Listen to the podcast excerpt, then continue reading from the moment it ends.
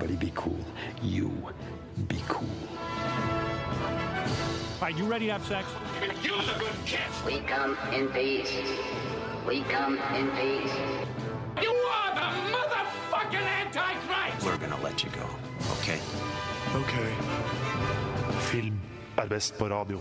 I'm gonna make him an offer he can't refuse. Nova Noir.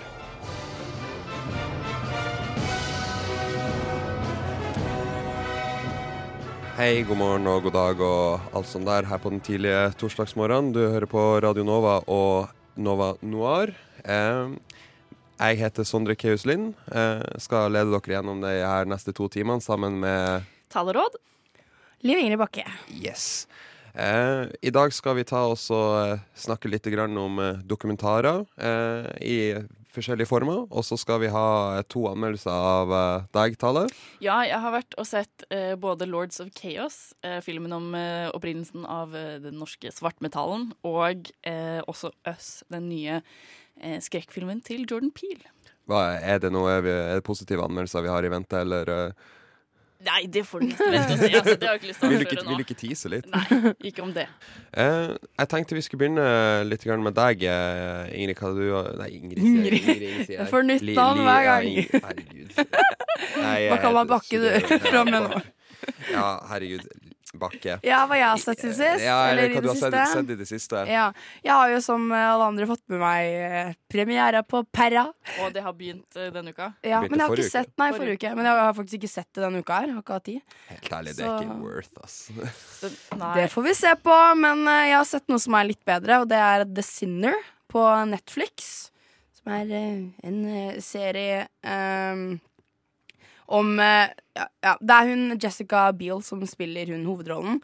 Eh, og veldig kort, for jeg skal ikke spoile, på en måte, men veldig kort så handler det om eh, hun som eh, Å, herregud, hva er det hun heter for noe igjen, da? Ja.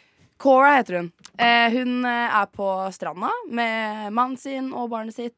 Eh, alt er liksom helt greit og fint, men så plutselig så bare ender det opp med at hun knivstikker en fyr. Som da Du Helt har hørt om den her, eller sett traileren til Ja. den eller noe. Det ser veldig interessant ut. jeg. Så eh, jeg skal ikke si for mye hva den handler om, men den er veldig sånn Det er veldig mye sånn flashbacks. Det er veldig sånn Det er veldig lett å følge med på og Altså, den er binge-worthy, liksom. Ja, det Mm. er jo veldig sånn her typisk etterforskningsgreier som skjer utover. Og jeg er helt ærlig litt lei av det, men akkurat Jeg den skulle her syns jeg, si, jeg synes er det ganske- nesten er litt for mye i vind med, med sånn Ja, det true er det. crime. Men akkurat den eh, her og- syns jeg har liksom noen ting som er litt sånn eh, Som man på en måte catcher opp på, da. Som er veldig sånn å, Du får deg til å liksom ha lyst til å se ja, mer, at, på en men for Du aner jo ikke hvorfor hun har gjort det, så du sitter der og liksom bare det? Er ikke, det er ikke helt liksom etterforskningssak. Var det det jeg er Ja, fordi det er mest hen fra hennes perspektiv, er det ikke det? Fra hun som Ja, på en måte har gjort så noe gærent. Ja. det er liksom samme, og så er det den samme sangen om og om igjen, for at hun blir liksom trigga. Så det er litt sånn psykiske greier. Og det minner meg også på at jeg har jo sett Sinnssykt, som handler om det. Så det er veldig gøy å liksom se få litt sånn innblikk i det. Men eh, det skal jeg snakke mer om seinere. Ja, flink at Ja. du teaser teaser litt hva vi skal snakke om senere. Um, apropos sånn true crime og sånn, så har jo jeg også sett på litt um, eh, Passende til temaet i dag, da, sett på litt dokumentarer. Og jeg begynte å se på eh, den Netflix-serien om eh, Maddie eh, Hva er det hva er det heter? Maddie McCann, er det det hun heter? Ja. Madeline, ja. Madeleine McCann. Eh, og som jeg sa i stad, jeg syns sånn true crime-greier er litt for mye vind. Fordi at ja ja, det er en stor sak, men herregud så jeg kjeda meg. Jeg har bare sett de første to episodene og halvveis inn i den tredje, men Å, den var det, er, det er liksom. jo så snork.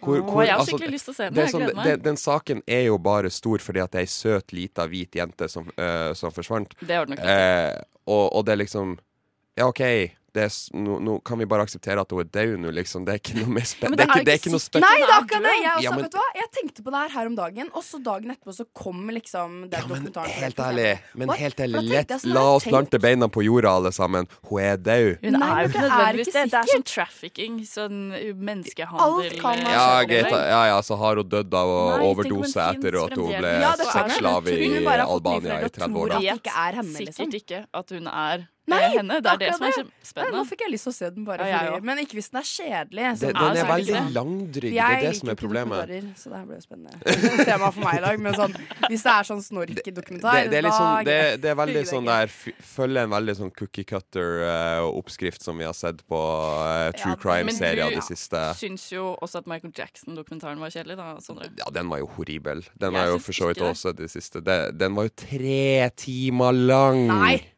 Jo, den er to episoder på en og en halv time. Å, ja. Ja. Men jeg det syns det var kjempespennende, og det var veldig sånn fint å se eh, ja, dem snakke om det, da. De guttene som på en måte har opplevd det og sånt. Altså, jeg er enig i at det er fint at de får et litt mer, hva skal man si, talerør på deres premisser.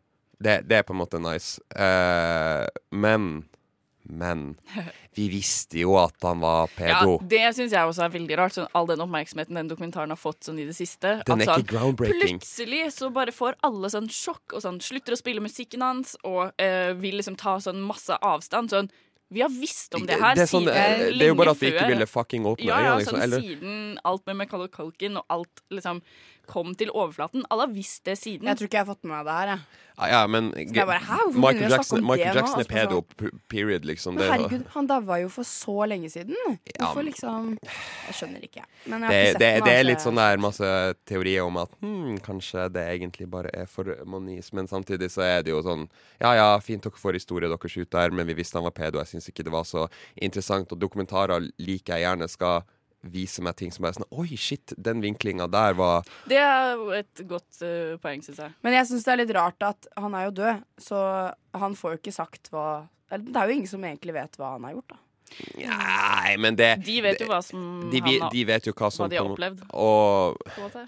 Men altså, bla, bla, bla, uskyldig til det motsatte bevis, men det er sånn der Det er så fette åpenbart, på Men en den måte. har jo også fått litt kritikk for at den kanskje er enspora, eller litt sånn viser bare den ene siden av saken, og på en måte lar ikke for uh, familien hans og sånn eh, ja, si ja, noe, men det, men men det er jo liksom litt problemet når du har sånne der biodokumentarer på en måte som eh, bare skal fortelle det fra et perspektiv, da, fordi, og, og spesielt fra et offers perspektiv, for da er det jo Du må jo trå litt varsomt kanskje når du ja, hva, hva skal man si, skal på en måte vise noen andre vinklinger, da. Men samtidig så er det jo også sånn at eh, hvis man hadde latt familien eh, få si sitt, da, så er det sånn det er ingen som har lyst til å på en måte innrømme at broren sin er pedo eller eh, overgriper eller liksom sånne ting. Bare sånn, Jeg hadde aldri sett for meg at han kunne gjøre noe sånt. Det blir Nei, liksom alle- dårlig alle- argument. Da, Alle dine nærmeste er jo de største englene alltid. Ja, ja, alltid. Det er jo kjempedårlig argument, egentlig. Sånn at, ja. Men de, han hadde jo vært gjennom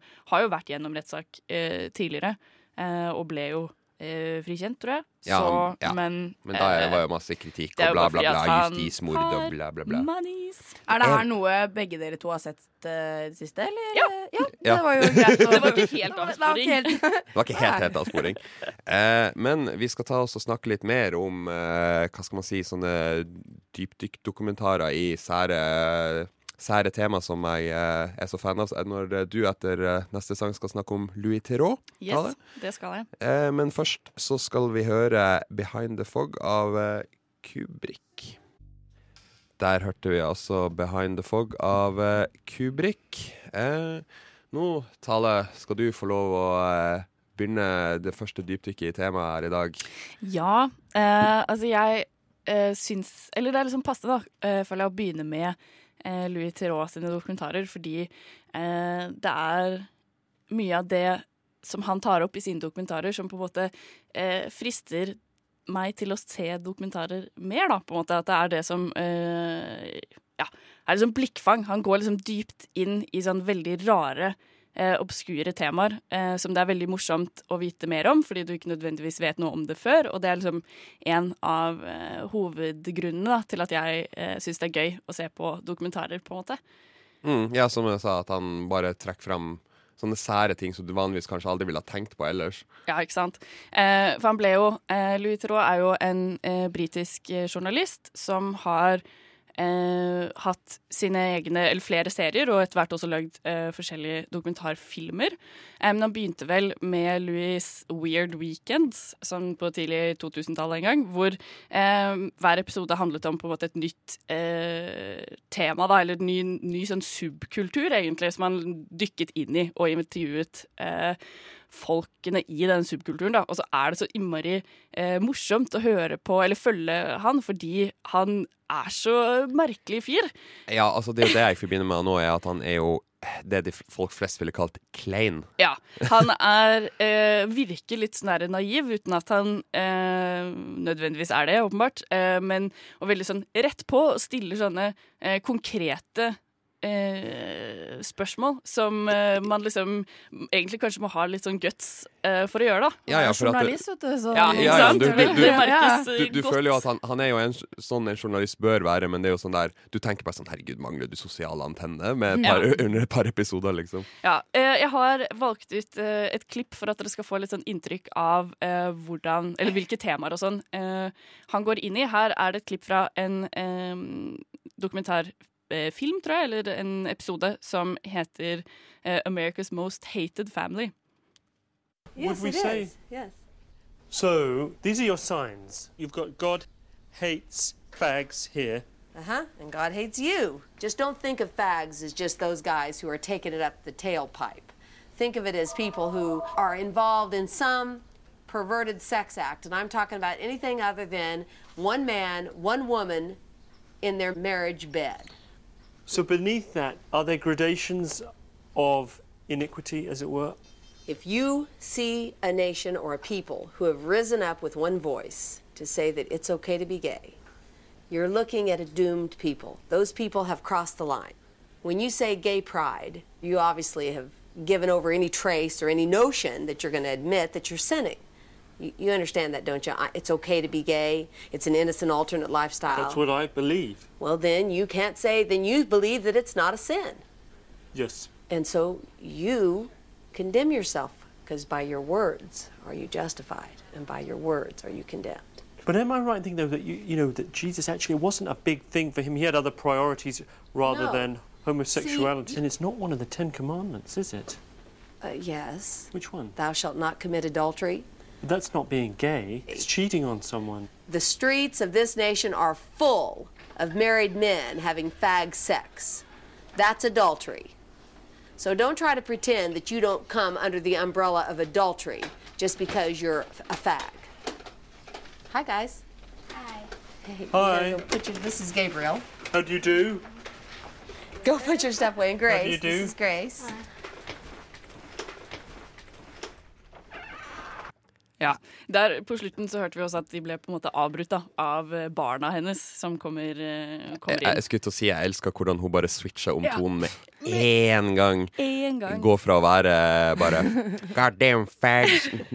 Altså, det her var jo um, lederen for uh, The Westboro Baptist Church, som er veldig Ja, det er jo en kult. Ja. La oss kalle det en spade for Ja. en spade. Uh, hun er da altså um, best, nei, barnebarnet da, til eh, Gramps, som eh, egentlig er på en måte patriarken for eh, den kulten. Grunnleggeren, liksom. Ja, grunnleggeren. Mm. Og eh, håper å si, greia deres er jo å eh, demonstrere på, utenfor eh, soldaters eh, begravelse, eksempel. Altså soldater, amerikanske soldater som eksempel døde i Afghanistan, eh, og sånn under Og bare skrive 'God hates ja, fags'. og på bare de gå rundt skiltene som Ja. de leste opp litt Og sånn. utafor abortklinikker. Og, Ja.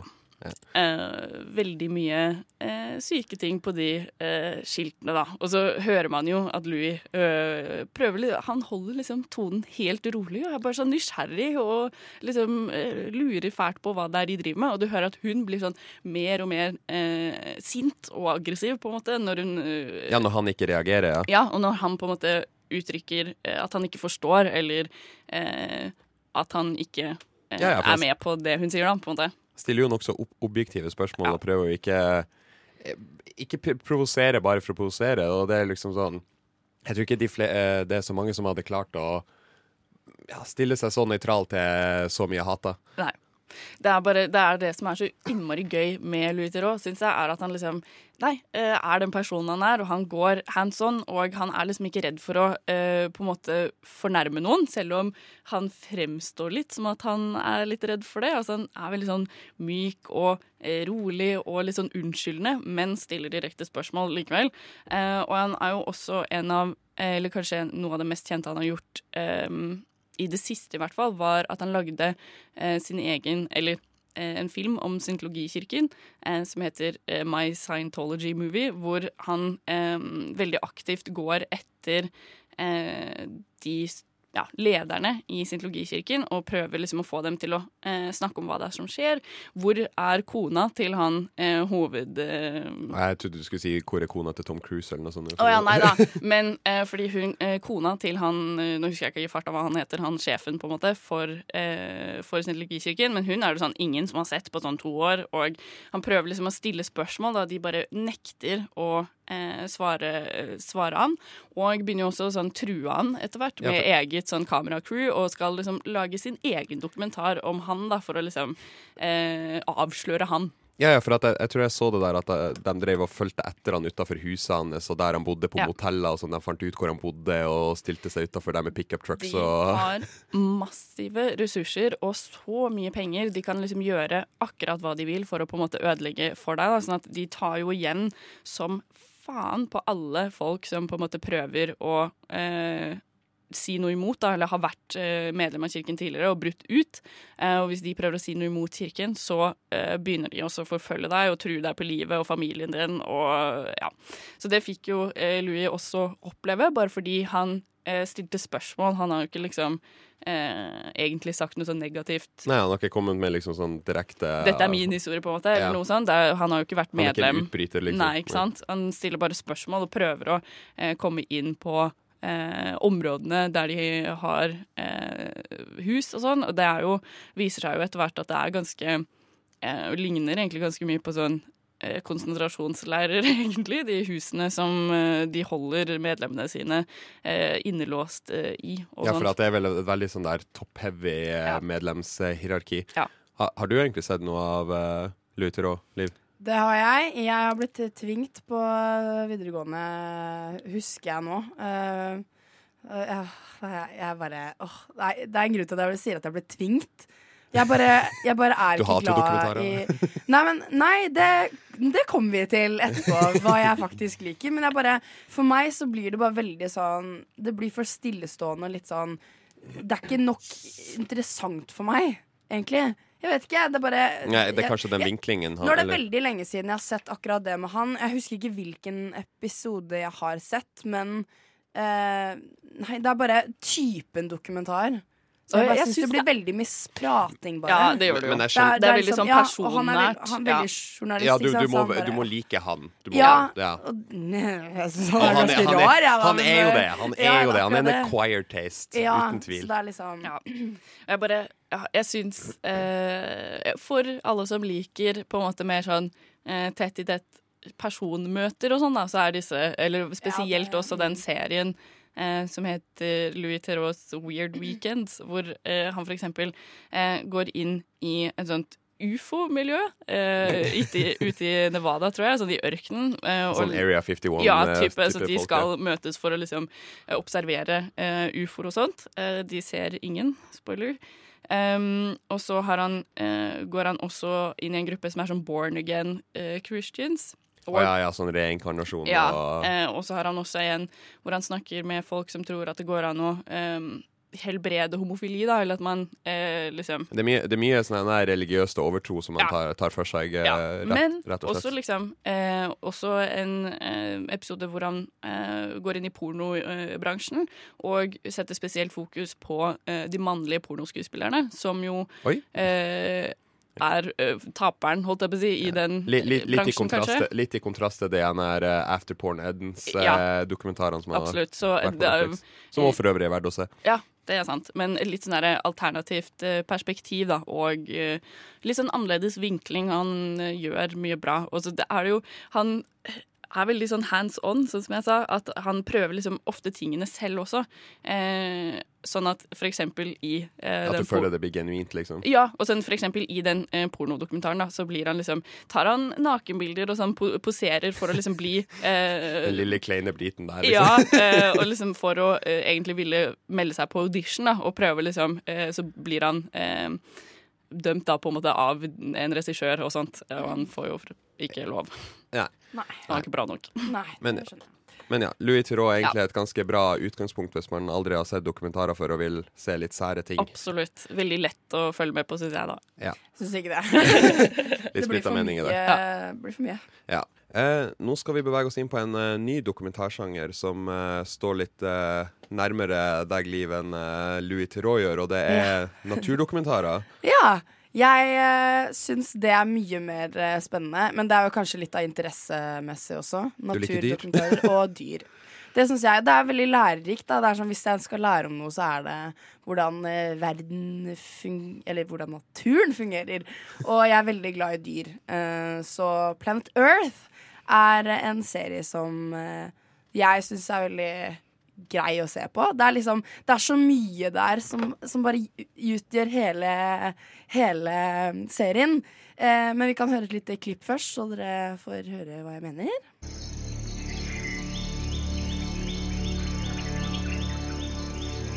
Karnataka in southern India, this sparse landscape is Balu's home. In a country of over a billion people, there's little space for wildlife, so this inaccessible terrain is a haven for wild animals. Jeg kan jo kommentere på der at eh, det var jo bare et lite klipp av en bjørn i, eh, langt uh, ute i Gokk i India. Nei, men det her, Man hører det bare i klippet hva som egentlig er så bra. Det er liksom, det er en blandingen av den majestetiske filmmusikken sammen med dyrelyder, og så er det den fantastiske fortellerstemmen til han David Attenborough. Attenborough. Som, ja, som er sånn mørk og barsk. Og det er sånn herre Jeg føler det, det gjør så mye i dokumentaren, for det er så deilig å høre på, hvis du skjønner. Det er sånn herre Jeg blir sånn Jeg blir så gripet med Nei, hva heter det? Grepet jeg blir grepet med eh, av stemmen og uh, eh, ja, bare lyden generelt. Men det som fascinerer meg, er bare hvordan de egentlig har lagd den serien her. Fordi eh, det starter jo som regel med veldig mye overblikksbilder. Det må jo være noe dronegreier som viser på en måte landskapet og hvor vi skal inn i, i serien. da. For eksempel eh, nå i siste så har jeg sett Great Plains, som er eh, om slettene i Afrika, Asia, Nord-Amerika og Antarktis. Og det handler om gress, altså dyrene der. Så det er liksom både gaseller og rev og sånne små sånne der hamsterlignende greier. som jeg husker hva heter. Lemen og sånn. Ja. ikke lemen, da, men ja. Og så fins det jo også om jungelen, og det er liksom Du får så mye eh, forskjellig i hver episode, da. Men alt starter med overblikksbilder og med estetisk filmmusikk, og så kommer den stemmen og bare Now you're gonna listen about Så husker jeg ikke. The Lions in North Holdt jeg husker ikke hva han sier, da. Har du lært så mye av de dokumentarene? Ja, men jeg syns det er så eh, kult. Og, men det er bare Det er så mye Hvordan har de filmet det her, egentlig? Ja, altså, Sånn- jeg, jeg føler jo at naturfotografer er jo kanskje de mest sånn underappreciata er, mm. For du må jo liksom å, å filme mennesker er på en måte én sak, for at det er jo så kjent fordi at vi er mennesker sjøl. Du vet hvordan vi oppfører oss og alt sånt der, men dyr og ting som skjer ute i naturen Du kan ikke få hendelser til å skje, on a cue. Du må på en måte bare være der når det skjer, og du kan ikke diktere dyrene til å gjøre sånn og sånn. Du må bare få lage narrativet etterpå da, og eh, tolke Ja. det du ser. Nei, men det er bare, Jeg husker at jeg liksom har sett på det og så bare åh, kult, og så bare Men egentlig, hvordan inn i granskauen har de klart å filme det her? For det første så er det jo sykt mye nærbilder. Det er sånn at Du ser liksom nærbilde av øya til dyra, på en måte. Er Supergigantiske telefotolinser. ja, det, det er helt sjukt. Og så er det måten de eh, på en måte får filma ting som skjer, da. Eksempel slåsskamper og sånn. Eller eh, paringstid, f.eks.. Eller at de skal lete etter et sted der de skal eh, lage rede og sånne ting. Det er sånn derre eh, Ja, bare veldig kult at de får med seg det. Og det er veldig mye sånn eh, timelapse, for eksempel. Mm. Sånn, herregud, hvor er lenge sitter de? må jo telte og filme hele Filme sånn natta dager i flere uker, på en måte. Men så sitter jeg der igjen da og tenker sånn Men hvordan kan de egentlig vite hva de dyra der egentlig driver med? Og hva er det de tenker, og hva er det de føler? Ja, altså jeg tenker jo at det er mye research. Det er jo BBC som har laga denne serien, så jeg vil jo tro at de har konsultert med Ja, men- både en og annen zoolog. Nei, det er ikke sikkert at de driver med slåsskamp. Det kan jo bare hende at den hannløva der har vært utro, og så blir hun sinna, og derfor vil ikke Skjønner du? Er ikke det en liksom, slåsskamp? ja, men jeg veit ikke. Jeg bare åh, Nei, for de bruk, han bruker jo å si sånn derre Now the lioness is leaving the territory, and the male lion is following her, so they can make Så det er ikke meg. Men det er sånn derre OK, greit, da lærer jeg jo litt, og det er veldig mye sånn info og, og alt sånn, men, men jeg sitter jo litt og bare sånn Hvordan, hvordan vet jeg egentlig det her? Ja, ja, men liksom- jeg syns jo, jo òg at eh, sir David eh, Han er jo faktisk sir. Eh, David Attenborough eh, er jo kanskje liksom sånn Det som virkelig limer alt det her sammen nå, da. For det er jo jeg vet ikke, Det er vel han og Morgan Freeman som har de to beste fortellerstemmene er i hele verden. føler er jeg. det. Mm. jeg føler at når de to dør, da, da har vi ikke Og så er det sånn britisk fin stemme også. Det er sånn Ordentlig. Oxford-engelsk. Det sånn det er sånn man kan sovne til. Sånn ASMR. ja, på, på, en, på en god måte, ja. ja, ja. Det er sånn som Så- luller deg i søvn. Ikke sånn kjede deg i søvn, men sånn luller deg i søvn. så det, her er på en måte dokumentarer dokumentar som jeg liker, fordi at jeg kan sitte og se på det, og det er spennende. Men jeg kan også på en måte sitte og sminke meg eller spise. Og, sånn, slappe av til det, liksom liksom. Ja.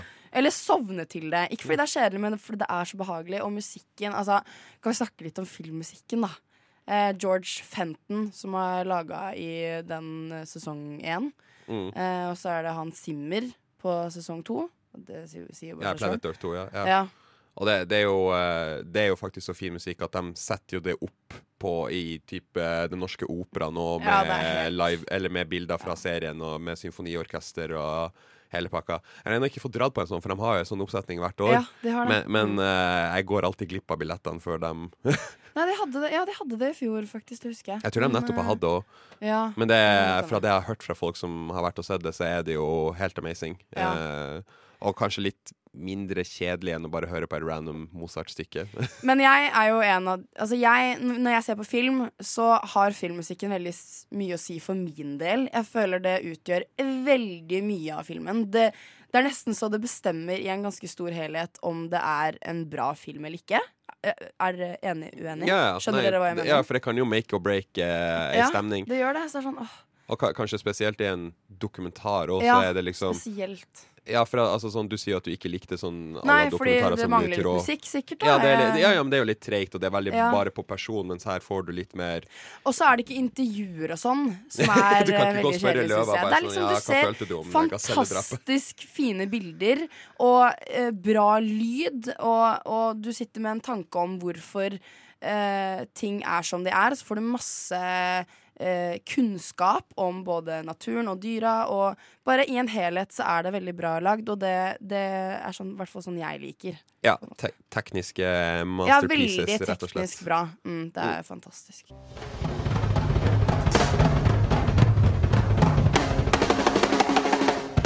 Nova Noir presenterer ukens kinopremierer.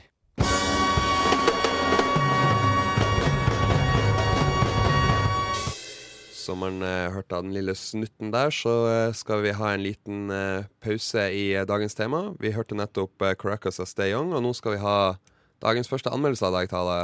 Ja, det skal vi. Um, jeg har vært og sett eh, Lords of Chaos, som forteller den nokså sanne og ganske kontroversielle historien om det første svartme- svartmetallbandet i Norge, Mayhem, og eh, det anstrengte forholdet mellom frontfigur Øystein Aarseth og bassist Varg Vikernes. Here I am, an average teenager, you may think. But you couldn't be more wrong. I am the founder of Mayhem, the most infamous black metal band in the world. We're lords of chaos. You guys suck. Mom, tell her to get out.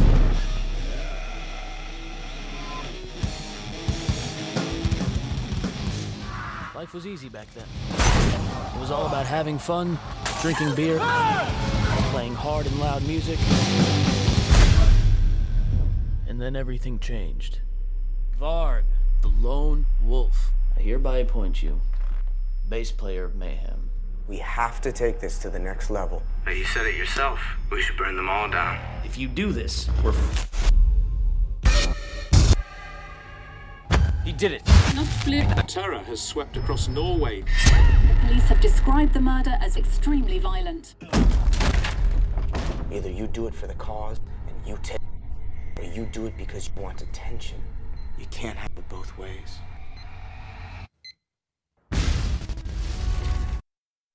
Ja, eh, litt masete lydbilde der, kanskje. Eh, men altså, det her er jo Um, basert på en sann historie, så det er jo litt passende for uh, dagens sending, kanskje. Eh, men den begynner jo med uh, et sånt tittelkort hvor det står 'Based on the truth, the lies and what actually happened'. Det er en veldig sånn kontroversiell historie fordi um, jeg føler liksom jeg gidder ikke å si sånn spoiler alert, egentlig, fordi uh, det, Det er er jo ting som har skjedd, så Det ja. er ting som har skjedd. Altså, Det her var jo uh, på begynnelsen av uh, 90-tallet, hvor eh, svartmetallen ble eh, på en måte skapt. Og historien om hva som skjedde når eh, Varg Vikernes eh, begynte på en måte å krangle da, med frontfiguren eh, i Mayhem-bandet, og eh, knivstakk ham. Eh, altså drepte han. Var, var det ikke Varg Vikernes som brant ned kirka? Jo, det gjorde han Var det, også. da, var det da han hadde bare sin lille spree? Ja, eh, fordi historien ja, altså, Jeg vet liksom ikke helt hvor jeg skal begynne, men eh, det er en interessant film fordi eh, den er amerikansk produsert, filmet i Norge. Eh, Regissert av Jonas Åkerlund, en svensk regissør som egentlig mest har filmet musikkdokumentarer eller konsertfilmer tidligere, så han er veldig um, Han er, in, han er into bransjen, rett og slett? Ja, rett og slett. Og han har også, var faktisk også eh, medlem av et sånt metalband i Sverige som var med på på måte å inspirere Mayhem da, til å lage den uh, sjangeren som etter hvert ble liksom true black uh, metal i Norge. Ja. Som de er veldig opptatt i, av i den filmen her, da. Uh, så har vi den yngste Colkin-brødren, broren, eh, Rory Colkin, som spiller eh, Øystein eh, Aarseth, eller eh, Euronymous, som er eh, scenenavnet hans. Eh, han spiller mot eh, Emery Cohen, som spiller eh, Varg Vikernes. Eh, sønnen til Val Kilmer, Jack Kilmer, er også med. Han spiller eh, svensken eh, Pelle Olin, eh, som eh, er en Ja, han var vokalist i eh, hjem i starten. Eh, veldig deprimert og begikk selvmord. Og altså det, eh, noe av det som er med på å gjøre Mayhem kontroversielt, er jo at de um, tok bilde av uh, åstedet og brukte det som albumcover. Ja, fy fader. Og så kalte han seg Dead. Ja. Det, og jeg ble helt sånn her når jeg så det nå. Jeg bare sånn, å herregud. Ved 22 år dypt, dypt deprimert. Fy fader. Ja. Eh, sånn at det er veldig mye eh, kontroversielle ting eh, i denne historien her. Og så ble det jo også sånn at de eh, satte ut eh, forskjellige rykter eh, om eh, hva som på en måte de gjorde med det eh, liket og sånn. da At de hadde eh, biter av eh, At de hadde skallen Ja. og hadde det rundt halsen, og at Euronymous spiste en del av hjernen hans og sånn. Eh, men som på en måte i all hovedsak var egentlig bare med på å bygge sånn Image, da, om at de var eh, true og eh, evil. Um, for det er veldig mye sånn glimt i øyet i den filmen her, og at det begynner med sånn her voiceover, litt sånn som vi hørte i traileren, at um, ja, jeg er kanskje en vanlig ungdom, tror du, he-he, men uh, nå skal du få se hvordan det egentlig var. Og så um, prøver de på en måte å spille på at uh, det er litt sånn At de skal virke hard, men egentlig er de bare Ja. Um, og linjene mellom på en måte hva som er sant, og hva som ikke er sant, er litt sånn flytende, da. Jeg føler at de kanskje prøvde litt på sånn som um, I, Tonya gjorde det ganske bra med det som på en måte For der også er det en sånn sann historie som kanskje er mye løgn, og som man ikke egentlig helt vet hva som skjedde. Den type på en måte stemningen fikk jeg litt i starten, eh, men det glapp litt eh, etter hvert før eh, Altså i midten av filmen, før det liksom tok seg litt opp igjen da på slutten. Det her eh, litt sånn eh, bruddet med den fjerde veggen, kan man kanskje kalle det. Mm. At eh, Litt sånn blunking til publikum, på en måte, eh, og sånt. Men eh, for å si noe om på en måte selve historien, da, så er det jo at eh, Mayhem prøver å være eh, mest ond og mest eh, true svartmetall. Mm. eh, og prøver å på en måte ta Være litt okkult og ja, veldig sånn uh, sjokkverdi, da. Eh, prøver liksom å skape noe nytt, og det greier de jo. Um, Euronymous eh, lager også sitt eget plateselskap eh, med tilhørende eh, platebutikk, hvor veldig mye av eh, Eller som var veldig sånn senter eh, i den eh, scenen, da, eller i miljøet. Um, Varg Vikernes blir jo eh, portrettert som en veldig sånn utafor eh, wannabe. At han prøver liksom å være eh, med i den kule gjengen og være en del av liksom, de kule gutta. Um, Ja, for jeg føler han har alltid har virka som en fyr som bare prøver for hardt. ja. eh, det er i hvert fall sånn han blir fremstilt i filmen. Veldig sånn her poser, da, som de kaller han ofte. Men så viser det seg jo at han har en fantastisk uh, musikalsk visjon og lager et sånn enmannsbandprosjekt som heter Bursum, som eh, Euronymous blir veldig eh, inspi- Eller han blir veldig betatt av på en måte dette prosjektet, da, og eh, liker, eh, liker det godt. Så han tar eh, Varg under liksom, sin vinge, da. Eh, men det fører jo til et sånn enormt rivaleri mellom de to om å gjøre å være best, og da for å på en måte uppe eh, Eller alle skal liksom one-uppe hverandre hele tiden. Alle skal være mer mørke enn den andre, liksom. Absolutt. Og eh, Varg er jo den som da på en måte tar det take it to the next level, sånn som man sier i traileren, og begynner å brenne kirker. Um, Til og med stavkirke. Det, ja, fordi Kulturarv. Ja, ikke sant. Uh, og så um, blir det jo til at um, Euronymous tar på en måte æren da for alt det Varg gjør, og det blir jo en sånn enorm konflikt som da ender opp uh, Hva da vil han ha på seg? At han skapte djevelen, liksom? ja, ja, ja. Og sånn at det her er noe vi bestemte oss for å gjøre sammen. For å liksom samle på alt som har med eh, kontroversielt uh, Og ja, liksom skape den derre myten da rundt eh, Ja, gjør, Mayhem. gjør seg sjøl litt sagnomsust, liksom. Absolutt. Så det er det som på en måte resulterer i uh, mordet.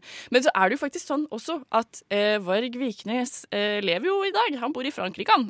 Og chiller der med gård og kone og familie og bare Ja, han har eh, en YouTube-kanal, men han ble jo altså dømt for Jo Ja, da. det var akkurat det. Ja, eh, men han ble dømt for eh, mordet på Øystein Aarseth i 1993. Eh, han eh, ble dømt eh, til 21 års fengsel, sona 16 av de, kom ut i 2009. Og nå bor han eh, I Sør-Frankrike og Sør-Frankrike, chiller med YouTube-kanal. Chiller og har Wow. YouTube-kanal hvor han bare sånn eh, Litt sånn eh, diverse meninger. Han sa forresten til eh, Dagbladet eh, at han var eh, rasist, men at han ikke så på seg selv som sånn eh, rasehater. Ah. Men jeg har funnet et, sånn her jeg har funnet et litt sånn klipp fra YouTube-kanalen hans hvor han snakker om Lords of Chaos, og hva han på en måte syns eh, om filmen. Så det syns jeg vi kan høre nå. Lords of Chaos, the film. A film about idiots, according to the director. I think he used the wrong preposition. It's a film by idiots. In this little video, I'm going to discuss two things that I get a lot of questions about. Did Euronymous really have a girlfriend? And did Euronymous really cut his own hair? Let's find out about that too later on. Euronymous was a homosexual in the closet. He hadn't left the closet yet, but we all know what he was and where he was. And then the next point about Euronymous having cut his own hair before he was killed. Um, he didn't. Det høres ut som Varg Vikernes rakk å bli ganske pretensiøs i fengsel. Oh, yes. Han har blitt en type. For, eller det har han sikkert alltid vært. Han, det var jo i hvert fall veldig sånn Han har også sagt uh, at grunnen til at han ble portrettert så rart i filmen, var fordi at uh, ingen skjønte at han bare drev med sånn rollespill. Ingen skjønte at jeg bare kødda. Ja, det litt sånn typ at det har blitt så mye mer populært nå at ingen eh, tok det da. Det var derfor han liksom oppførte seg sånn, da, fordi at Du er så eh, innovativ. ja. Nyskapende. Herregud. Ja, sånn at det her også er veldig sånn fokus da på at uh, Euronymous eh, ikke hadde en kjæreste. um, og spekulerer, sånn, spekulerer også om han er homofil. Skal ikke ta den liksom nå, men i hvert fall da så eh, spiller Sky Ferreira også en karakter i filmen eh, som heter Ann-Marit, som da blir kjæresten til eh, Euronymous, for å på en måte gi han litt sånn dybde. Mm. Snakke om eh, godt bruk av kvinner på film, gitt. Eh, men hun fantes altså ikke i virkeligheten, på en måte. da, sånn at det her er jo litt Ah, ja, sånn ja. The lies. Ja. Eh, the lies, på en måte. Sånn at man kan jo på en måte konspirere litt sånn hvor mye av det som er sant, og hvor mye som ikke er det. Men jeg syns eh, det ga i hvert fall et sånn godt overblikk over eh, konflikten, da. Ja. Men vil du si at det her er mer en sånn personstudie, er mer enn at det handler om musikken og sånn? Ja, absolutt. Det her er ehm, veldig eh, persontett og liksom på den konflikten og ehm, handler på en måte mer om å avdekke og ri, ri litt på den der kontroversielle bølgen, på en måte. At Mm. eh, eh, Ja. ta, ikke snakke så mye om liksom, eh, musikken og sånt. Det er på en måte ikke det som er Fokuset. fokuset, egentlig. Og så spiller de vel veldig lite Mayhem-musikk i filmen også, av rettigheter. Ja, jeg skulle til å si, sånn. jeg har sikkert ikke fått rettigheter. Nei. Men hva syns du, da? Sånn alt i alt, hvis du skal gi det en liten terning på noir-skalaen fra Ja. 1 til 10? Eh, oppsummert så syns jeg vel kanskje eh, det er mest interessant eller mest morsomt for oss fordi det er en amerikansk produksjon som setter eh, noe i lille Norge under lupen, på en måte. At eh, det er liksom det som gjør det mest interessant, at eh, Rory Colkin og liksom eh, ja, amerikanske skuespillere og sånn er i Norge, og at uh, det er det som uh, på en måte er hovedfokuset. Uh, filmen i seg selv har veldig har noen lyspunkter. Det er mest når Jonas Aaklund får lov til å lage musikkvideo i sånne klippbilder og sånn, er det ekstremt bra. Men det er, er ikke helt sikker er på om det til å holde det holder, oppe. holder det oppe, kvaliteten. Ehm, det er ikke liksom egentlig interessant nok utenom eh, som film i seg selv. Ja, ja. det er for veldig spesielt interesserte. Men eh, jeg koste meg. Det var, eh, det var liksom gøy. Så sånn OK. Så en eh, En fem av ti. En fem av ti, ja. ja. En fem av ti til Lords of Chaos der, altså. Eh, nå skal vi ta og høre Politic av eh, Michelle Blades. Der hørte vi altså eh, Politikk! Utropstegn av eh, Michelle Blades. Eh, nå, Liv, eh, skal du få Nå tok jeg navnet ditt rett. Ja. eh, nå skal du få lov også å snakke om eh, en annen type dokumentar som du faktisk liker. Ja. Um, det her er en norsk dokumentar. Veldig ny. Kom ut eh, 11. mars på NRK. Så ferskt. Nemlig Sinnssykt. eh, som er en dokumentarserie som hun Cecilie Kåss Furuseth har eh, eh, kommet opp med. eh, som handler om psykiske lidelser. Og jeg syns jo helse er veldig spennende og veldig interessant, og som man kan Eller som, som er veldig tabu. Så man må liksom man, man burde lage ting om det, så jeg syns det er veldig interessant. Men det handler i hvert fall om at eh, hun Cecilie da møter eh, en rekke unge mennesker som har hver sin alvorlige psykiske lidelse, og så snakker hun litt selv om hvordan hun opplever sin psykiske lidelse. Vi kan høre et klipp her. Jeg veit jo godt at det finnes andre mennesker der ute som lever med psykiske lidelser. Og som ofte synes at livet er vanskelig å leve. Jeg vil jo ikke dø, men er jeg for sårbar til å leve? Jeg har lyst til å møte disse menneskene for å finne ut hvordan de takler livet. Rolig puls? Eh, ikke helt. Å, du da. Det her blir rått. Ja. Så eh, det er eh, seks eh, episoder på 30 minutter, der hver episode handler om en person. Og i, så bruker hun å snakke litt om seg selv, da. Og snakker veldig mye om sin psykiske Ja, for hun hadde bipolar sånn. lidelse, Ja. som vi hørte der. Så hun, for hver episode så kommer det fram til Eller hun på en måte gir hint om hvordan det er, og hvordan hun har klart å på en måte leve med det. Og så er det i aller siste episode så eh, kommer det fram til at hun skal fortelle det foran folk, da. Så man går på en måte gjennom hennes reise med en psykisk lidelse, samtidig som man får eh, kommet litt inn i forskjellige hoder til folk, da. Ja, for jeg, jeg så jo et par episoder av denne serien også, eh, Ja. og da var den ene som handla om jobbsøking, Ja. eh, der, de, eh, der hun trakk fram hvordan det, det gjerne er litt tabu å nevne at uh, hei, jeg uh, har schizofreni, lidelse, altså en schizofrenilidelse På uh, i et jobb, jobbintervju, ja, liksom. på et jobbintervju. Fordi at da blir du nedprioritert, og så er det litt sånn diskusjon fram og tilbake om er, jo, skal vi, er det riktig å fortelle, er det riktig at det skal være tabu i en jobbsituasjon, osv., Ja. Fordi det er vel også, det må jo være ekstremt vanskelig å på en måte ikke si det også, og så leve med Eller sånn vite det selv, og så Ja, føle at du skjuler i, det, liksom. Ja. Ja. at du alltid lever i hemmelighet. Ja, for det er det sånn her, Hvis hun får en jobb, da, så er det sånn her Ok, egentlig så kan det hende at jeg bare ikke dukker opp en dag, og så er det vanskelig å forklare hvorfor du ikke gjør det, Fordi da må du fortelle om det, så er det sånn Får jeg sparken? Ja, skal man hva? fortelle at du bare Ja. har omgangssjuke hele tida? Ja, det er akkurat det. Så det, er, eh, det, det blir tatt opp veldig mye sånn. Eh, Den aller første episoden jeg så, var episode én om Espen, som har eh, tvangslidelser. Um, og det er helt sjuke tvangslidelser. Jeg ble helt sånn herre wow. Tenk å leve sånn. Fordi Det er jeg- kanskje en av de mer misforstådde ja. psykiske lidelsene. Ja, som folk er sånn her Å nei, jeg kan ikke tråkke på kumlokk. Mm. Sånn er jeg også. Eh, har veldig mye sånne ting. Men han hadde helt ekstreme ting, som for eksempel at eh, hvis han skal vaske klær, så må han for eksempel riste genseren, lukte på den smake på den, kanskje. eh, lukte på den igjen, og så må han vaske den alene hver for seg.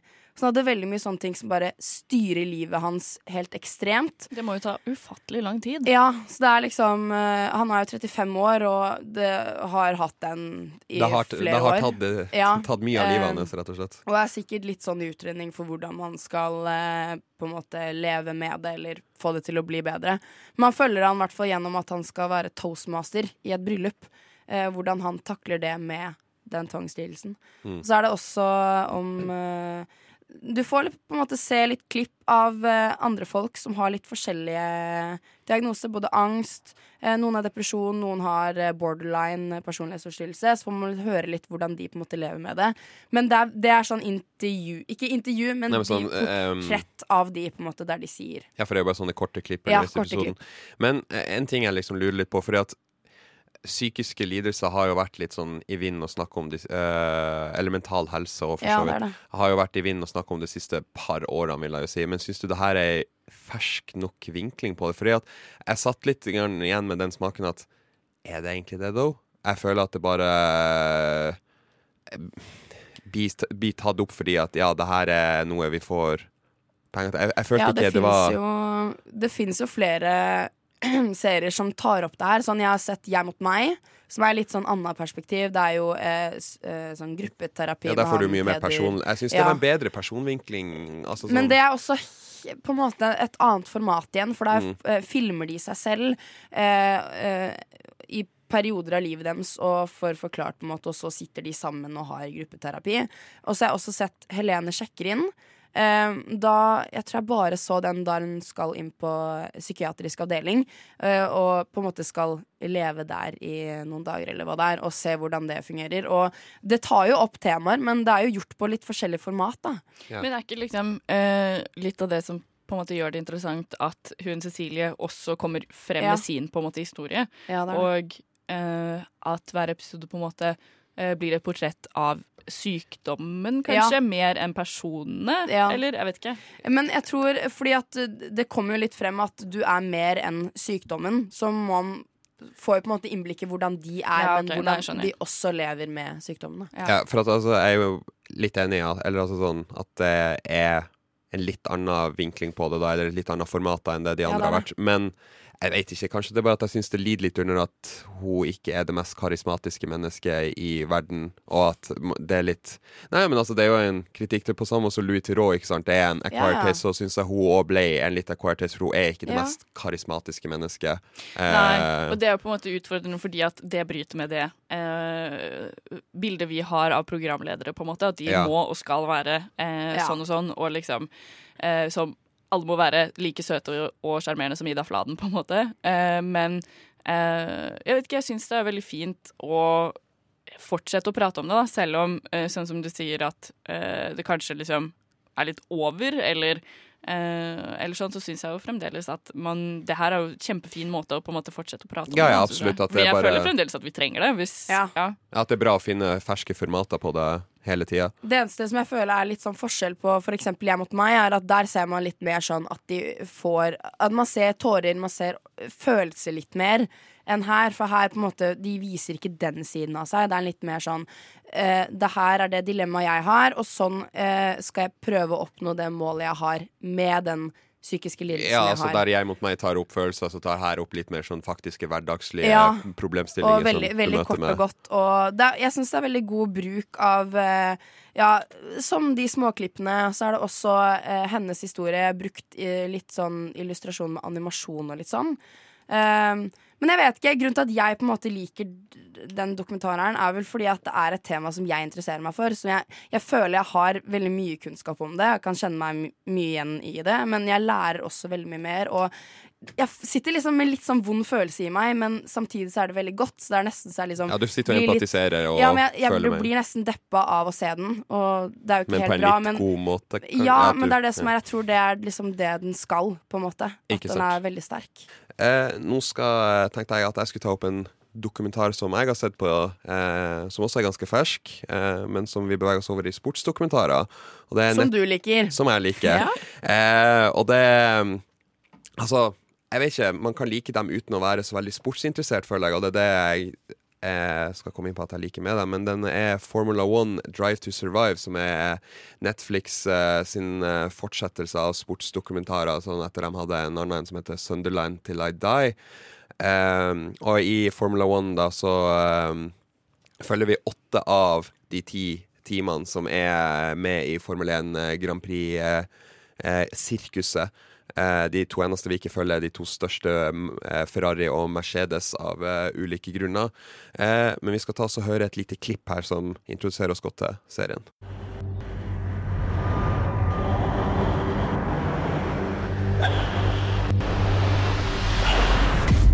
These guys have an almost fighter pilot mentality, and that's what separates them from mere mortals.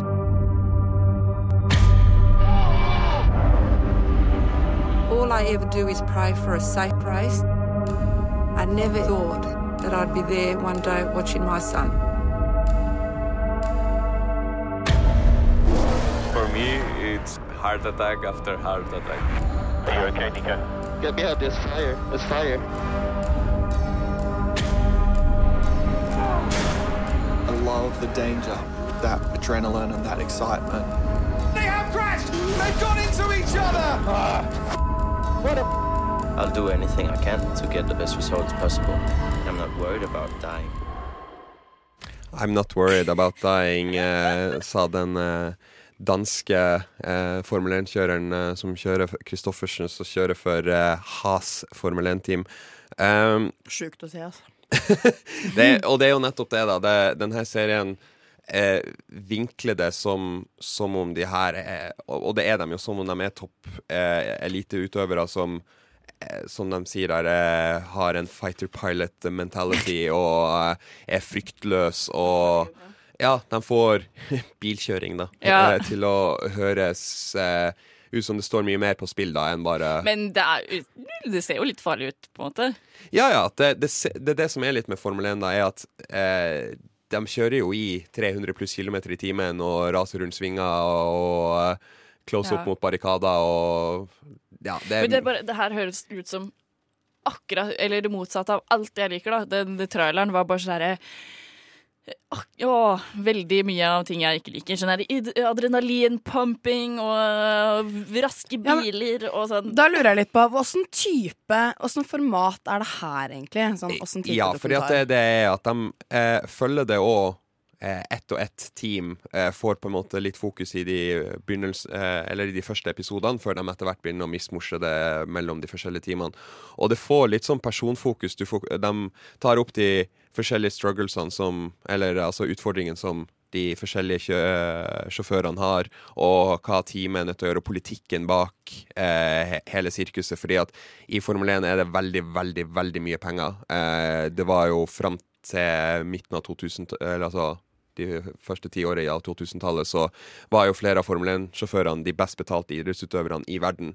Eh, Sykt. Hæ? Hvorfor det? fordi at det er mye luksus, mye glamour, mye penger, eh, rett og slett. Og Kan det, spørre om en ting? Ja. Eh, fordi jeg har liksom null peiling på det her i det hele tatt. Eh, og, og sånn, hvor fan er du før du begynte å se på det, på en måte? Ja, altså Jeg har vært ganske Jeg var veldig fan da jeg var liten. Da fulgte jeg faktisk slavisk med på Formel 1 og eh, så det hver søndag for, og hver lørdag, for så vidt. Fordi at det løpet, hvert eh, Grand Prix-løp foregår sånn at det er eh, trening på fredager, eh, kvalifisering på lørdag, og så er løpet på søndagene, da, eh, som er hovedgreia. Hvert løp varer i sånn ish to timer. Og det er jo noe som jeg skal innrømme de har vært veldig flinke til å eh, skjule de kjedelige bitene av det. For det er jo som sagt et to timer langt løp. Det er veldig mye dødtid per se, på samme måte som med skiløp òg. At Ja, ja. det er ikke så jævla interessant å se de eh, midterste to milene av femmila, på en måte. Uh, men du ser jo på det likevel.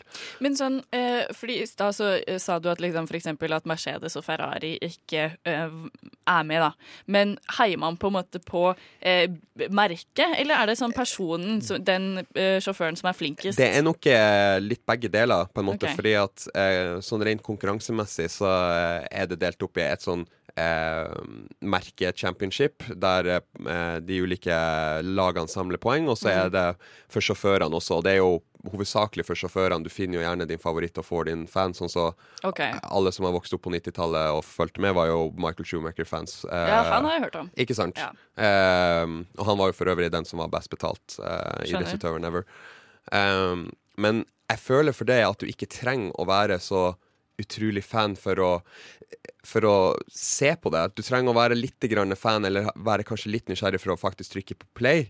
Men når du først har, har begynt, så føler jeg at en serie fanger. Jeg fikk jo eksempel kjæresten min som aldri har sett på Formel 1 og egentlig var midt, brydde seg midt i ræva om det, eh, til å faktisk se alle episodene nesten på rad eh, med meg. og og fulgte med og ble faktisk litt fanga av det, fordi at det personfokuset De, de er veldig flinke til å gjøre dem eh, Ja, gjøre dem ekte. Det er ikke bare sånn kjedelige intervjuer. Ja, hvordan føler du deg nå? Det, det er De viser det veldig ufiltrert og eh, viser sinne, og de viser kontroversene på Eller altså kranglene på, på innsida av timene, og eh, hvor mye penger på en måte kan styre eh, framfor personen. Ja. Så du trenger ikke ha sett på Autofil da, i 2006, liksom? Og Nei, bare... absolutt ikke. Det er ikke sånn format? Nei, for det er det. Du trenger ikke å være bilinteressert. Nei, ok. Det er det. det Så det handler mest om menneskene, egentlig. ja, og politikken rundt, og, Men er det litt sånn rundt. spenningsbasert? Er det litt sånn spennende? Ja, dem- dem- det er jo det som har vært litt kritikken òg av serien, som jeg sa, okay. at de kutter ut det kjedelige fordi at eh, Og kritikken kommer mest fra de som er sånn ihugga motorsportfan. Eh, Ja, fans. som har skikkelig peiling. Ja, og sånn. og, jeg, føl- og jeg Dere gjør det ikke på riktig måte. Ja, fordi at de kutter ut eh, eh, ting som har med f.eks. pitstop-taktikk og bla, ja. bla, bla. Altså sånne der ting som Det er der de skifter hjul og sånn? eller? Ja, ja, og det er jo veldig imponerende, fordi at de skifter jo fire hjul og tanker bilen på eh, tre Ja, ja. Eh, så det er jo sykt imponerende, og de viser jo masse sånne actionklipp fra det, på en måte, og at oi, eh, shit, nå kom han ut bak han eh, etter pitstoppet og sånn der. Men jeg føler at den kritikken er litt misplaced i forhold til hva, eh, hva dokumentarserien prøver å være, da. Det Men er det sånn at eh, være, eller at hele sesongen uh, leder mot på en måte et mål, en stor konkurranse? Uh, Ja, nei, altså det, eksempel, det er jo, det er jo uh, et Grand Prix nesten annenhver helg mellom mars og november. Så det er jo hele sesongen da det følger, og leder opp til Ja, så det er ikke liksom trening mot én stor Nei, nei. Og det er sånn leder opp til hva som skal skje i 2019-sesongen. Eh, der det faktisk Netflix har fått eh, filmtillatelse for de første par reisene, og der de også skal eh, er tydeligvis i prat om hva om å få filme Ferrari og Mercedes også denne sesongen.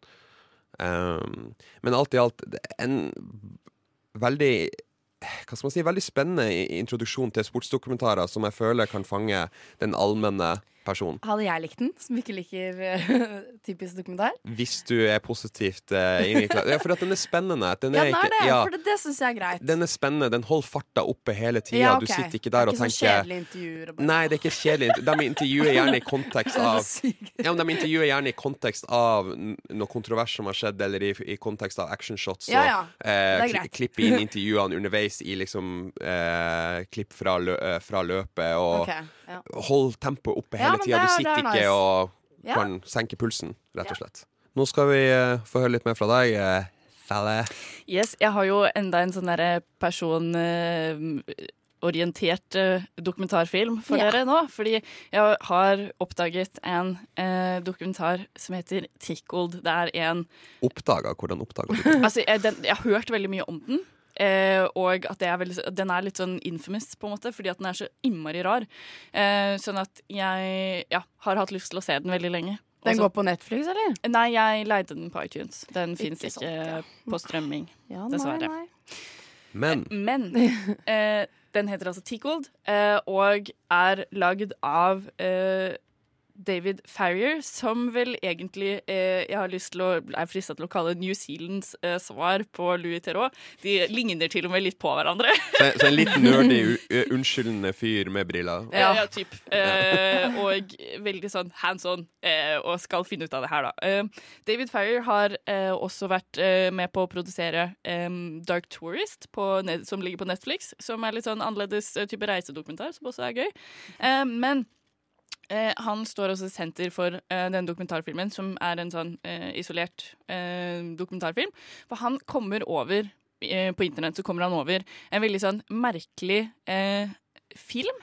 Hvor det liksom presenteres et sånt idrettsteam som sier at de er med i noe som heter Competitive Endurance Tickling. Altså sånn ki- Utholdenhetskiling. ja, kilekonkurranse. Eh, Nei, det her vil jeg ikke høre med engang. Og så Jeg- går Åh, jeg er traumatisert av det, liksom.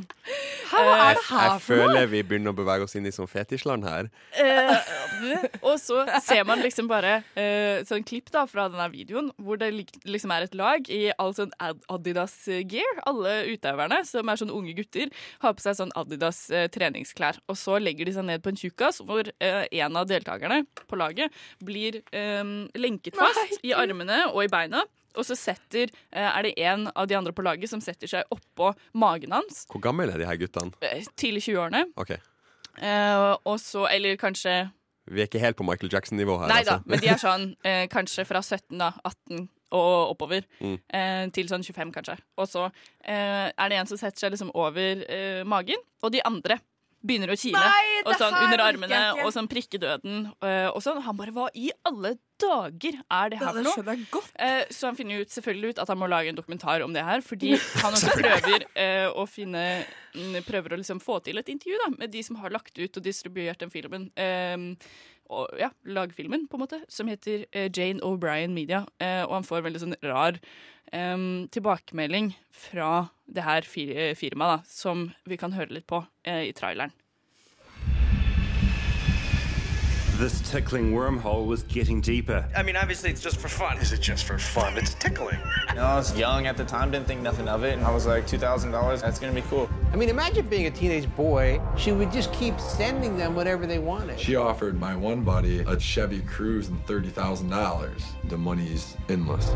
This tickling empire is way bigger than we ever imagined. They have tickle cells all over the U.S. They're everywhere. And at some point, these boys say, I'm done. The thing that she hates the most was no.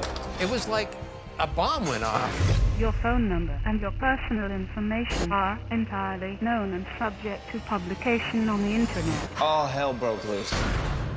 All of a sudden, these videos are on YouTube, Vimeo, and every other site you could imagine. Sending emails to the high school that I coach at. What do you think your mother's gonna think about this? We're shooting a documentary. I understand It's, uh, what you think you're doing. If you want to stick your head in the blast first, do it. Jane O'Brien's a ghost. Okay, let's go.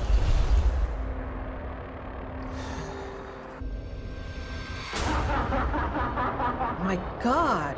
Oh my God. Jeg visste ikke at kiling kunne være så eh, dramatisk og skummelt. Det vet jeg alt om! Men uh, OK, jeg uh, ja, uh, blanda litt klipp, men sånn eh, fordi han eh, David, da, eh, strekker seg ut, holdt jeg på å si, eh, ja, tar eh, kontakt med J Jane O'Brien Media og spør Hei, jeg har lyst til å lage en dokumentar om det her, dette ser interessant ut. Eh, hva sier du til det? Og så får han svar. Pub eh, liksom um, public, public på Facebook Um, at uh, vi vil ikke ha noen ting med uh, homoseksuelle journalister å gjøre i det hele tatt. Det at du er homofil, er uh, kjempeekkelt, og øh, æsj a meg, vi vil ikke snakke med deg i det hele tatt. Og han bare OK, det var veldig aggressivt, på en måte. Jeg spurte bare om et intervju, på en måte. Og med tanke på at sånn, den videoen så litt eh, gay ut. Ja, måte. det var, eh, det er bare unge gutter som sitter og sånn kiler hverandre. Det er litt sånn seksuelt, på en måte. Han ble veldig, eh, syntes det var veldig rart å få den beskjeden, så det gjorde jo selvfølgelig bare at han hadde lyst til å eh, undersøke det her enda mer, da. eh, så finner han også uh, ut at um, de legger ut Jane O'Brien Media legger ut et sånt uh, søknadsskjema på internett hvor du kan på en måte søke om å være med eh, på de her konkurransene. da. Eh, så du kan stille med lag eller melde deg på aleine. Og du ehm, kan vinne 2000 dollar, sånn som det var i klippet. Og de sender deg også gratis eh, med gratis fly til eh, Los Angeles fra hvor enn du er i verden. Det er mye penger i Første Chile- klasse i Chile-pornovideoer, altså. Setter de eh, på først Eller liksom eh, På eh, sånn veldig høystjernehotell. Ja. Eh, gratis. Alt sånn. Femstjerners hotell. Gratis. Og eh, bare kaster penger etter deg, de gir deg gaver og bla, bla, bla. Sånn Med en gang du liksom har filmet en av de her videoene, så bare plutselig så bare dukker det penger i postkassa di, og du bare eh, Det er mange av de guttene da som har sagt at eh, de eh, også fikk masse konsertbilletter og dyre sånn spillkonsoller, um, og de finner jo også ut senere at de på en måte um, spesielt er ute etter uh, gutter fra litt sånn fattige strøk, da, sånn at uh, de har mye å tilby dem, på en måte. Men så begynner jo de her dokumentarene, nei, eh, filmklippene å dukke opp på eh, Facebook og på YouTube og sånt, og det vil jo ikke de ha nå. Så så sier, de.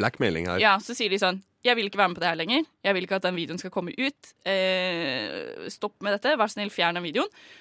Og så klikker det jo helt, og da begynner de å spres overalt og blir sendt til foreldrene, familie, øh, sjefer på jobben. Altså, det var en av gutta som øh, jobbet som øh, fotballtrener for et av sånn high school-lag. Ja. Og så begynte de å spre rykter om at han var pedofil, og liksom ødela Ah. hele karrieren hans som toppidrettsutøver på et sånt fotballag da, på grunn av det her. Og det er liksom Bare fordi du ville ha penger for å bli kilt. det går Det er en sånn downward spiral da, som eh, bare Han kalte det jo 'tickling hole'. til Ja, altså sånn Det uh, går helt ute av kontroll. Jeg har ikke lyst til å si så veldig mye mer om det som skjer, på en måte, men eh, fordi det er på en måte litt av opplevelsen. Og det er det her ja, som jeg syns er gøy med dokumentarer som på en måte snakker om ting som er litt annerledes. Fordi eh, det gir meg muligheten til å liksom fortelle det videre, og så få sånne hakesleppereaksjoner, Jeg også. jeg jeg blir jo litt creeped out av uh, hele Jeg har grøsninger Jeg mens jeg sitter her Men dere er jo litt uh, intrigued, har dere ikke det? Ja, men jeg, ja, ja, absolutt. Jeg føler at liksom sånn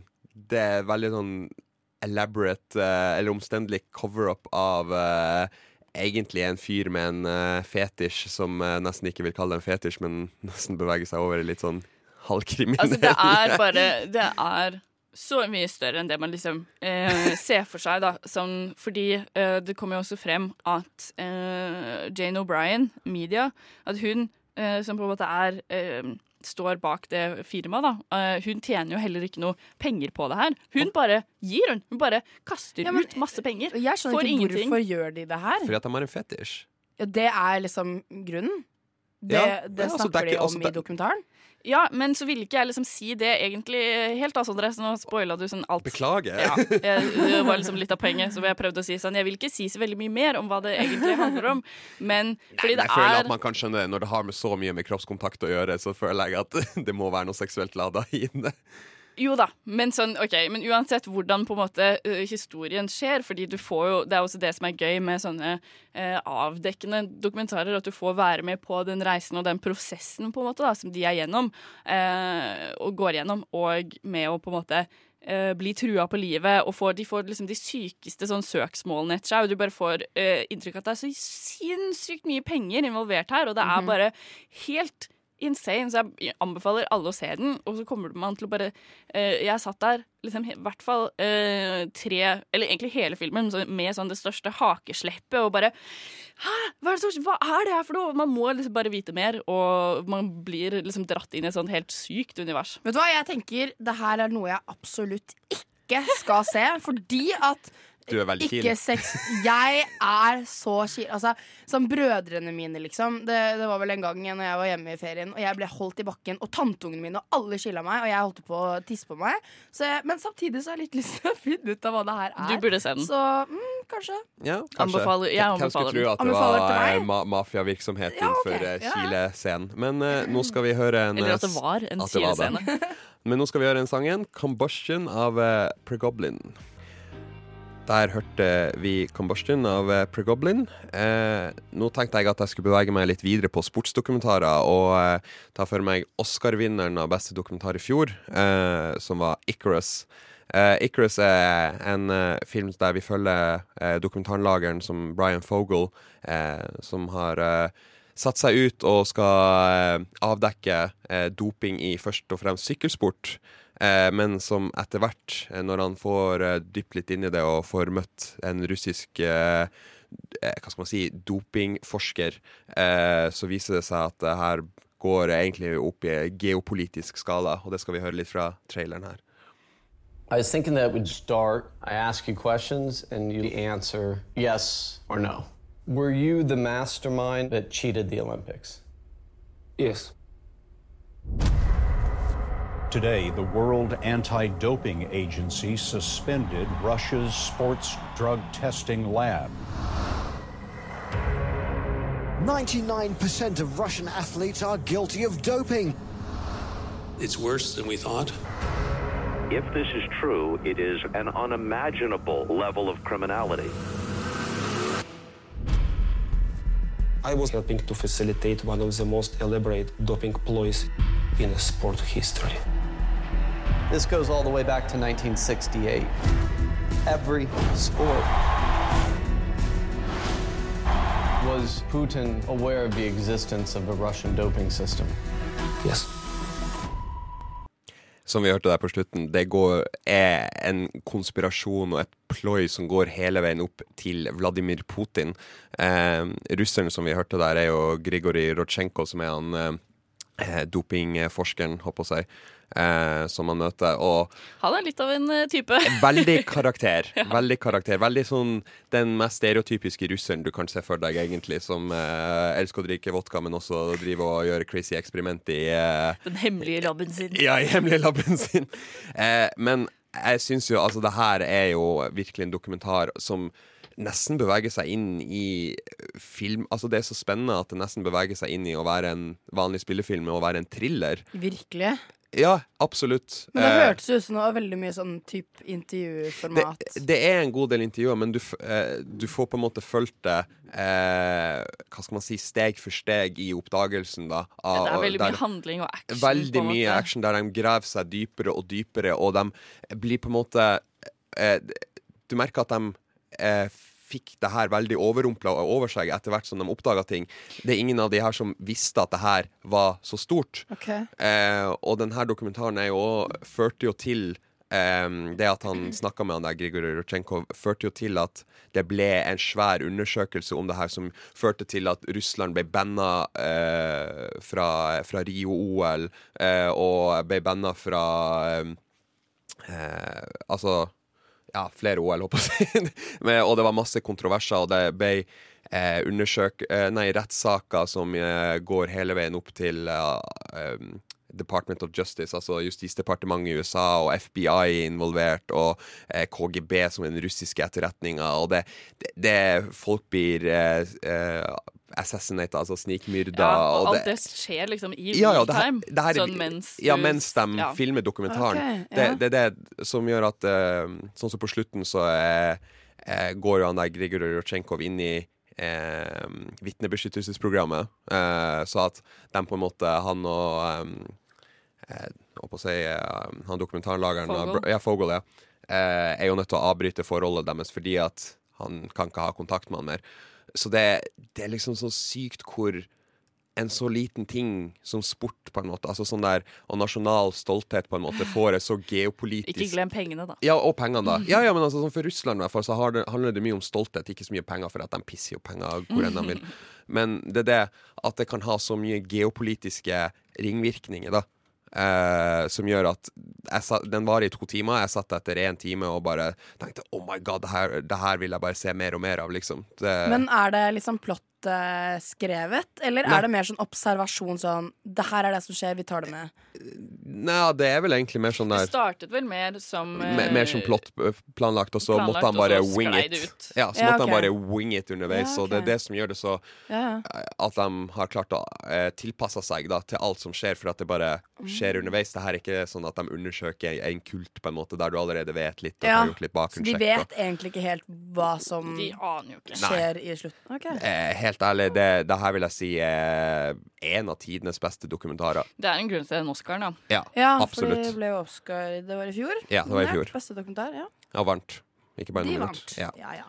Eh, men altså, absolutt se den. Og det Jeg vet ikke, det her er på en måte det som jeg liker litt med sportsdokumentarer, er at det har litt mer uante eh, Hva skal man si ringvirkninger enn bare hva skal man si, underveis i en fotballkamp eller underveis i et Formel 1-løp eller whatnot. Det er så mye mer sport. Er så eh, integrert i samfunnet, da, føler jeg. At eh, ja, det er absolutt worth a watch. Så jeg tror til og med du hadde klart å s- trukke deg gjennom de to timene Ja. der. Fordi at han, det er mye action, altså. Men det er to timer, en det er for men det, mye. Men det er en thriller. Det Ja, er en skikkelig spennende thriller, og det er ikke så mye fokus på selve sporten. Det handler om dopinga og konspirasjonen bak. Og, Ja, ja. og dem- ja, Putin. Det går helt opp til en av verdenslederne, liksom, som er kanskje en av de mest mektige mennene i, i verden. Men er det veldig sånn kunnskaps...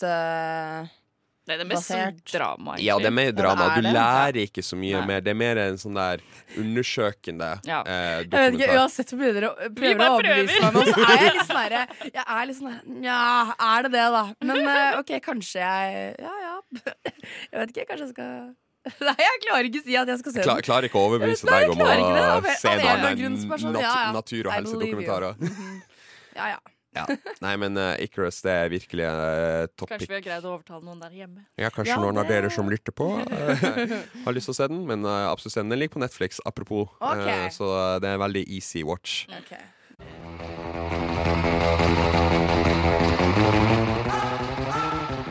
Nova Noir presenterer ukens kinopremierer. Retro Easy av A Spectrum hørte vi der. Og nå over til dagens andre anmeldelse av Us. Ta det.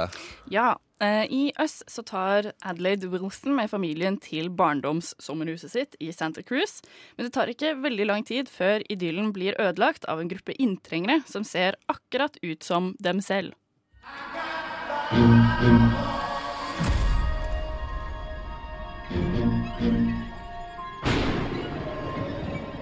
There's a family in our driveway.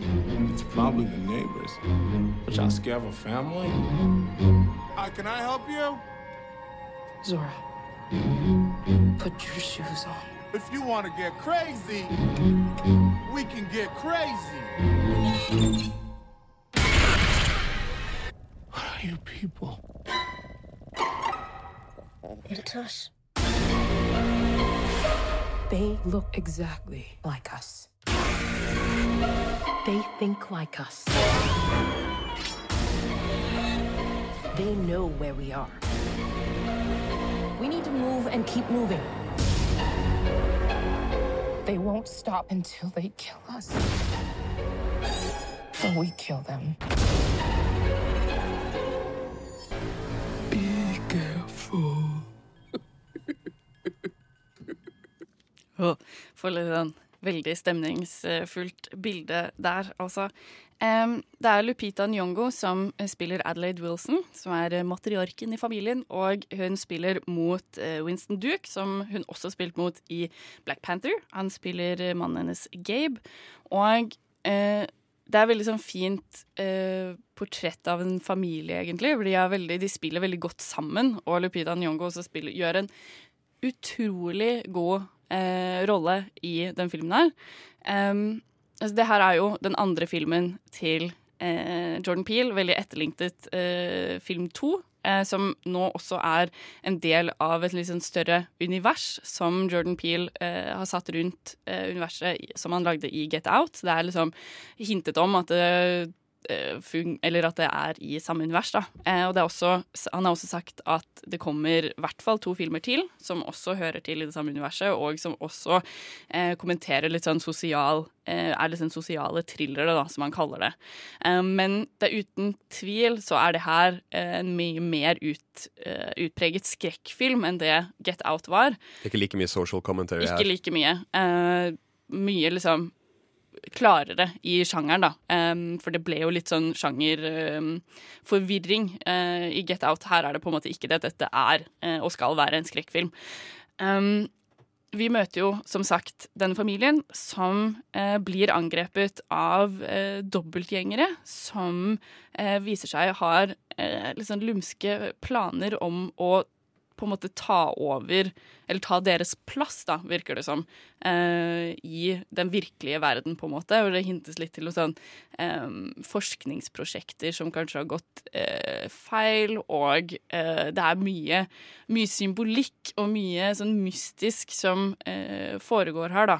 Em, og det er vel på en måte hintet til at liksom, det skumle er vel ikke egentlig eh, alltid de andre, eller det som er fremmed, på en måte, men kanskje heller Det kjente. det kjente og det som er inni deg selv, da, som på en måte er eh, det man skal være redd for, på en måte. Jeg har sett veldig mye reklame for den filmen her, så jeg har sett traileren. Men er det sånn For jeg tror de sier noe typ sånn derre We need to kill them before they kill us. Så det er liksom det som er på en måte eh, hoved... Ja, altså det er på en måte øh, det som øh, først skjer. At det virker sånn, de, jo, øh, de andre er jo ute etter å ta øh, de ekte folka, på en måte. Og for å på en måte få de til å eh, forsvinne, så er det jo om å gjøre å drepe dem først, ikke sant. Og så eh, bro- utbroderer det seg til et mye sånn større eh, prosjekt, egentlig, da. Eller sånn mye større enn det det på en måte virker som eh, i utgangspunktet. Fordi først så tror de at det bare gjelder dem. Eh, Og at det bare er de som plutselig eh, blir liksom besøkt da, av de her eh, dobbeltgjengerne. Men så greier de å på en måte finne eh, Komme seg inn hos naboen, og da finner de også ut at det gjelder, ikke, ja, det gjelder Ja. ikke bare dem. på en måte Så det her er en eh, verdensomspennende på en måte Men er de, er de ekte personer, eller er de liksom sånne mo- monstre, da? Jeg vet ikke. Eh, litt sånn blanding, på en måte, vil jeg si. Ja. Det føler jeg at jeg kan si. Ok, Det ja, blir litt sånn der, for er det sånn der at alle kjemper mot sine indre demoner, sier det, det er det Det litt det, blir, eh, det blir litt, eh, litt sånn, ja. På en måte. Um, jeg syns også at uh, den Det er mye det er bra som foregår i den filmen her. Uh, cinematografien er amazing. Det er uh, Mike Gulakis som også har hatt uh, cinematografien i It Follows, Glass og um, Split. Og det syns veldig godt. Det, det er veldig At det sånn kjente sjangere for ja, han, ja. veldig. Og at han er i sitt rette element. Uh, og jeg kan tenke på at det har vært fantastisk for Jordan Peele å jobbe sammen med, eh, med han. Da. Og, Men hvilke eksempler på bra film? Hva sa du? Matisering. Altså eksempler på hva som Altså, det er gjør bare den bra. det, fordi det er jo også kan tenke meg et litt sånn drømmeprosjekt da, for en cinematograf å jobbe med, fordi det er så mye sånn speiling. Fordi Ja, de sånn, de har ja, ja. eh, med dobbeltgjengere å gjøre. Sånn at det er veldig mye For de skal jo være en form for versjon av eh, de ekte personene, og da har, er det veldig mye sånn symbolikk å spille på. Eh, også med noe mer som jeg ikke har lyst til å si noe om, uh, som gjør den speilingen uh, litt kulere. Ja. Uh, som dere også hørte, så er jo musikk litt sånn inntrykk i traileren. Eh, musikken er også ekstremt bra. Det er Michael Abels som har komponert original score. Det gjorde han også for Get Out. Og veldig, veldig gøy å Lager høre veldig på det. Lager uh, suspensfull musikk. Veldig annerledes type musikk. da Jeg føler det er litt det som gjør eh, Litt sånn fiolinspr... eh, Ja. Hva skal man si? Fiolin... eh, Klimpring, ja, liksom? sånn, ja, plimpring. Ja, Ja, ja, det eh, det det. Ja, ja, er noe av det som på en måte er med på å gjøre den filmen litt annerledes. Um, samtidig så er jeg ikke liksom helt overbevist, må jeg innrømme. Uh, det er mye sånn uh, fine triks, på en måte. Litt sånn eh, røyk og hva er det man sier, sånn eh, magiske triks, på en måte, som eh, tar mye av fokuset vekk på kanskje den litt svake historien, vil Mm. jeg egentlig si. At eh, den har mye gående for seg, og eh, Men den klarer ikke å fullføre det helt. ikke helt Nei, Er den liksom forutsigbar, eller skjønner man på en måte ah, Litt, som skjedde? Ja, eh, litt. litt kanskje, samtidig som jeg føler at de, eller veldig mange av eh, de viktige spørsmålene ikke helt blir besvart. Da. Nei. Så når noen ikke får de besvart, hva tenker du karaktermessig den uh, bør ligge på? Eh, jeg ble ikke helt overbevist, selv om veldig mye er fint. Eh, jeg gir oss eh, seks av ti. Seks av ti, så et lite hakk over eh, Lords of Chaos der, altså. Eh, da skal vi høre Beachwalk av Michael Abels. Ja, sang og sang. Det var i hvert fall eh, litt av musikken fra oss, faktisk, som jeg glemte å nevne der. Beachwalk av Michael Abels. Eh, I dag har vi eh, snakka om ganske mye forskjellig. Vi har eh, rukket innom eh, Louis Theroux, Planet Earth, eh, Lords of Chaos, eh, Formel 1, Tickle Icarus og sinnssykt. Det, det har vært et bredt spekter, og det kanskje er bra eh, oppsummering uansett bredt spekter av hva dokumentarer egentlig er, da. Ja. Eh, det er ikke så Selv om det kan kalles en egen sjanger i Ja, seg sjøl, så er det så uendelig med Forskjellige undersjangre. format og Ja. norsk og engelsk og Det er en veldig eh, stor sjanger som låner seg sjøl til veldig mange forskjellige teknikker og veldig mange Mm. formater, da, som du sier, uh, sier Liv. Eh, Og så så har vi jo snakka om hva vi liker som av dokumentarer generelt, da. Ja, ikke sant. Du, du, Trukket eh, frem våre favoritter, Ja, liksom. våre- hva vi på en måte liker. du liker de litt mer educational uh, Jeg liker det som er fint å se på, det som, er, som rører meg. Gir meg litt sånne der, eh, følelser og litt sånn, da. Ja, ikke kan man sant. si, egentlig. Ja. Som du samtidig lærer av, mens du har vært litt mer inn på de uh, Litt rarere sidene av livet, kan man vel si.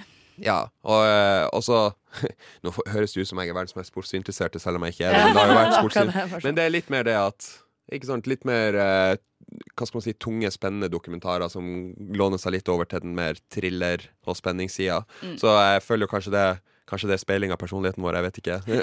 apropos, sånn, sånn apropos i oss. Eh, så nei, alt i alt det viser jo bare at det er litt grann for alle, rett og slett. Ja. Eh, så da vil jeg egentlig bare takke for oss i dag. Eh, det har vært ei veldig fin sending. Eh, jeg heter Sondre Keus Lind, og med meg i stua har jeg hatt Taleråd. Og Liv Ingrid Bakke. eh, Så da vil jeg faktisk avslutte med at vi skal høre en sang produsert av en annen redaksjon her på Radio Nova. 'Skallebank 2019' av DJ Diabeats.